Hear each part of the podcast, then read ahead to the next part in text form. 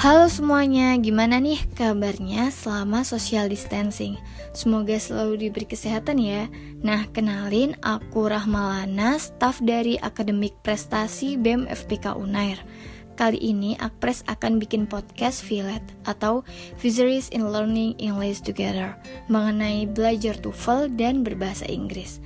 Nah, podcast kali ini aku akan ditemenin oleh seseorang. Yuk langsung aja kita kenalan dulu. Hai semuanya, jadi kenalin aku Mas Lahatunisa semester akhir Prodi Aquacultur. Senang bisa gabung sama kalian. Nah, setelah kita udah kenalan sama Mbak Nisa, yuk kita langsung aja sharing-sharing mengenai apa sih TOEFL itu. Mbak Nisa, aku mau nanya nih, menurut Mbak Nisa, TOEFL itu apa sih? Dan jenis-jenis TOEFL itu ada apa aja ya, Mbak? Jadi TOEFL itu sebenarnya dari singkatan Test of English as a Foreign Language ini tuh tes kemampuan bahasa Inggris gitu sebelum melanjutkan ke jenjang yang lebih tinggi baik dalam hal edukasi, karir, atau ikut untuk meningkatkan kualitas diri aja gitu. Kalau untuk kemampuan yang diuji di TOEFL itu ada apa aja sih, Mbak? Nah, kemampuan yang diujikan di TOEFL itu bisa kita lihat sebenarnya dari tiga section yang ada di TOEFL. Yang pertama itu kan listening comprehension. Nah, itu kemampuan kita memahami dari percakapan yang disampaikan saat tes itu. Jadi kemampuan mendengarkannya kita, kita bisa paham nggak sih maksud dari uh, percakapannya mereka? Nah gitu. Kemudian yang section 2 structure and written expression. Nah, ini tuh intinya itu tentang grammar SPOK-nya. Jadi kayak bahasa Indonesia gitu, selama kita tahu subjeknya mana, predikatnya mana dan objeknya yang mana, itu kita udah bisa ngerjain ini. Jadi mereka itu uh, bolak-balik aja gitu uh, struktur kalimatnya itu terus ngubah-ngubah gitu. Nah, kita harus telitinya itu mana sih subjeknya, predikatnya. Nah, gitu. Kita penting tahu SPOK-nya gitu, insya Allah beres. Itu kuncinya. Kemudian yang section 3 nih, reading comprehension. Nah, ini itu kayak screening, baca cepet gitu. Jadi dari paragraf itu nanti kita ditanya-tanyain kayak pokok bahasanya apa, maksudnya apa, kayak gitu. Jadi kita harus uh, terbiasa ya, mulai dibiasakan baca-baca kayak teks-teks bahasa Inggris berita atau apa gitu. Biar bisa uh, familiar dengan kosakata-kosakatanya. Soalnya biasanya kosakata yang uh, ditanyai gitu, ini maksud katanya apa nih gitu ditanyai. Jadi kalau kita uh, pemahaman atau penguasaan dari beberapa kosakata bahasa Inggris itu banyak atau familiar, nah itu menguntungkan bagi kita. Oh iya ya Mbak, paham. Nah, kalau salah satu persyaratan buat dapat beasiswa ke luar negeri atau student exchange itu nilai TOEFL harus tinggi kan, Mbak? Atau minimal kita harus lancar lah berbahasa Inggrisnya boleh nggak sih mbak share tips and triknya biar kita itu bisa dapat nilai TOEFL tinggi atau bisa lancar berbahasa Inggrisnya dengan mudah gitu? Um, emang sih kalau syarat exchange gitu uh, atau beasiswa gitu ya itu emang ada biasanya ada syarat TOEFL. Tapi uh, tinggi di sini nilai tinggi ini biasanya itu bisa dimulai dari 450 nih. Biasanya kalau fakultas itu 450, kalau UNER itu 475. Kalau untuk yang global itu 500 biasanya. Jadi aku setuju dengan tinggi ini maksudnya standar kualifikasi itu ya. Kemudian sebenarnya nggak nggak semua harus ada TOEFL sih biasanya cuma uh, diminta formalitas aja gitu. Jadi tetap semangat. Nah, gimana sih tips and triknya itu? Uh, tips and triknya itu yang pertama itu mindset sih. Uh, dulu emang aku tuh sama bahasa Inggris emang uh, bukannya nggak bisa tapi awal-awalnya tuh takut karena takut jadi aku tuh nggak berani untuk belajar karena aku malu kalau belajar salah nih pengucapannya masa gini aja nggak bisa? Nah gitu. Yang pertama itu aku tuh takut. Nah tapi lama kelamaan itu sadar nih bahwa bahasa Inggris itu nggak bisa terlepas dari kehidupan. Mau kita belajar jurnal karir di pendidikan atau di kerja itu syaratnya ada TOEFL, ada bahasa Inggris kayak gitu. Atau kita mau eh, jalan-jalan uh, ke luar negeri pun bahasa yang paling uh, pemersatunya itu ya bahasa Inggris. Gitu sih. Dan bagiku ya orang yang bisa komunikasi dengan orang luar itu atau bisa memahami bahasa Inggris itu keren banget sih. Kemudian yang kedua itu goalnya. Nah goal kita itu apa gitu? Kalau contoh goalnya itu pengen exchange plus dapat scholarship pas exchange itu gitu. Jadi apa nih prepare-nya? Nah gitu. Jadi yang ketiga itu prepare. Uh, prepare itu bisa beberapa macam sih caranya. Bisa kita ikut les gitu bisa. Uh, dulu aku tuh ikut les di kampung Inggris itu. Uh, grammar sama speaking nah itu satu bulan. Itu aku sendiri nggak ada temennya itu. Jadi emang bener-bener kepengen bisa gitu bahasa Inggris. Kemudian uh, itu pas aku mau ke Thailand ya itu ya prepare untuk yang ke Thailand. Aku les bahasa Inggris satu bulan. Untuk yang ke Malaysia itu aku nggak les bahasa Inggris prepare-nya. Nah itu tuh aku belajar sebenarnya aku tuh nggak bisa nggak bisa ada ada orang yang bilang belajar bahasa Inggris itu dari film. Uh, tapi aku nggak bisa. Kenapa? Karena film itu kan cepet banget ya ngomongnya. Jadi uh, untuk yang tahap pemula saat itu aku nggak bisa langsung paham kalau film. Tapi aku bisa mulainya itu dari yang pertama itu lagu. Lagu itu uh, satu hari atau dua hari gitu aku ngafalin satu lagu artinya gitu nyanyi nyanyi gitu. Terus yang kedua berita atau teks atau jurnal gitu dalam bahasa Inggris kan. Nah itu kalau berita gitu ya aku baca pahami maknanya setelah aku tulis tuh maksudnya apa gitu. Nah, terus itu untuk pronunciationnya itu biasanya aku itu aku kopas uh, aku taruh di Google Translate itu kan ada speakernya tuh yang bahasa Inggris. Nah itu aku nyalain deh itu speakernya. Jadi kita tahu gimana sih orang sana itu uh, pronunciationnya. Nah itu aku dari situ sih. Uh, kemudian kalau untuk uh, kosakata kosakata yang secara uh, science di aquaculture gitu ya biar aku juga tambah wawasan untuk bekal uh, ke Malaysia-nya itu maka aku tuh baca jurnal. Nah di jurnal itu kan ada bahasa-bahasa ilmiah ya. Nah itu yang aku nggak tahu hal-hal sepele itu aku catet tuh uh, kosa katanya gitu. Dan itu emang worth it banget saat aku di Malaysia itu. Emang ya kata-katanya itu emang itu gitu. Jadi aku ya dari awal nyatet kosakatanya gitu. Terus aku tuh kayak nge-review beberapa paragraf gitu apa sih isi jurnalnya gitu. Jadi emang butuh proses untuk uh, bisa memahami bahasa Inggris itu butuh proses. Tapi proses itu pasti akan mencapai finish jadi nggak usah khawatir. Yang penting kita itu be brave kita itu berani gitu untuk melangkah Terus itu yang terakhir ya dari Mensa, goal, prepare, uh, sama yang terakhir ini actionnya. Actionnya ini maksudnya gimana sih? Jadi kan kita udah prepare nih, udah prepare banget, lama-lama prepare, les ini itu, hmm, baca berita ini itu, di googlein. Nah actionnya ini yang pertama ya, kalian itu kita itu bisa tanya-tanya nih ke kating-kating yang udah pernah uh, exchange. Nah, itu sebenarnya bisa ampuh banget jadi mentor kalian. Nah, kalau mentor aku dulu itu ya Mbak Nada Zatalini.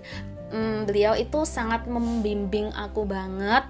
Pokoknya aku bersyukur banget deh. Jadi, cutting di, uh, sebagai mentor itu juga um, worth it banget, tepat banget pokoknya.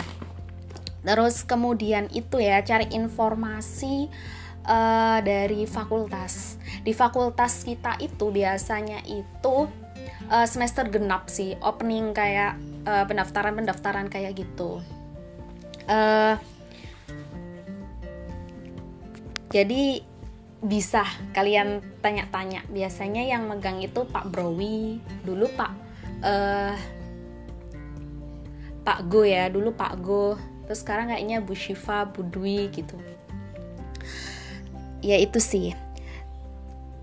Jadi mindsetnya kita kita harus juga punya goal prepare-nya kita. Uh, kalau kita ingin hasil yang lebih baik maka prepare lebih matang juga akan uh, possibility-nya untuk mencapai hasil yang lebih baik juga lebih tinggi gitu.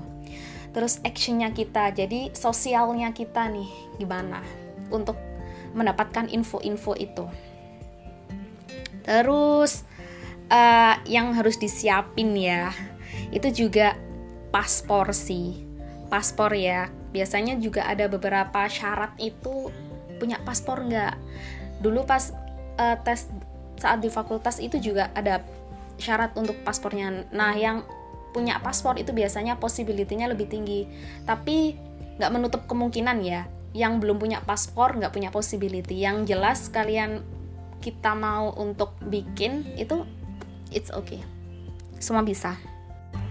Nah mbak Nisa ini kan udah lancar ya berbahasa Inggris. Setelah akhirnya sudah terbiasa menggunakan bahasa Inggris gimana sih perasaannya mbak Nisa? Wah amin bisa lancar bahasa Inggris uh, ini juga masih proses sih untuk membiasakan bahasa Inggris. Uh, agar bisa tetap familiar nih di tengah pandemi ini gitu. Bisa tetap produktif dengan bahasa Inggris dengan pandemi gitu. Uh, kalau perasaannya itu ya alhamdulillah bersyukur banget ya. Uh, disadarkan terus disadarkan untuk belajar bahasa Inggris kemudian dimudahkan untuk memahami uh, ya teks dalam bahasa Inggris gitu kayak jurnal kayak yang dulunya itu ya kalau lihat lagu kalau denger lagu kalau dengerin movie gitu ini apaan sih ngomong? Cepet banget. Gimana orang bisa bilang belajar bahasa Inggris lewat lagu sama movie ternyata itu tuh bisa kalau kita itu bertahap. Jadi alhamdulillah seneng sih bisa paham gitu ya. Jadi mudah untuk memahami sesuatu. Uh, terus lebih berani sih lebih berani perasaannya. Kayak seumpama ada tamu guest dari luar negeri gitu ya gitu lebih pede tanya atau jawab pertanyaan mereka itu bener atau salah apa yang kita omong itu lebih pede soalnya kenapa nggak semua orang itu bisa atau nggak semua orang itu bisa dan berani untuk mengutarakan uh, pikirannya gitu. Jadi karena ya nekat aja sih. Jadi lebih berani gitu mengutarakan pendapat gitu dalam bahasa Inggris untuk ngajak conversation gitu. Kemudian uh, untuk seumpama daftar beasiswa atau lomba atau kerja untuk ke depannya itu kalau ada syarat bahasa Inggris lagi itu udah tenang gitu karena uh, kita udah melewati proses jadi perasaannya ya udah tenang lah gitu.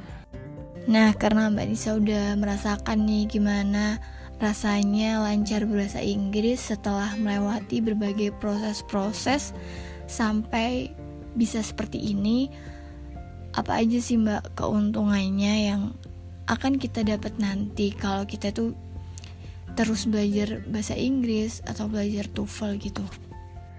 Hmm, belajar TOEFL dan bahasa Inggris itu yang pertama itu nggak ada ruginya ya, yang perlu digarisbawahi. Untuk TOEFL itu kayak sebagai persyaratan administratif gitu sih. Dan itu keuntungannya bisa kita gunakan untuk uh, seumpama kita mau lanjut studi S2 atau kita mau kerja di luar negeri atau kerja di dalam negeri itu bisa menguntungkan bagi kita. Karena itu pasti memiliki nilai plus atau itu bahkan menjadi persyaratan mutlak. Nah, itu untuk yang TOEFL ya.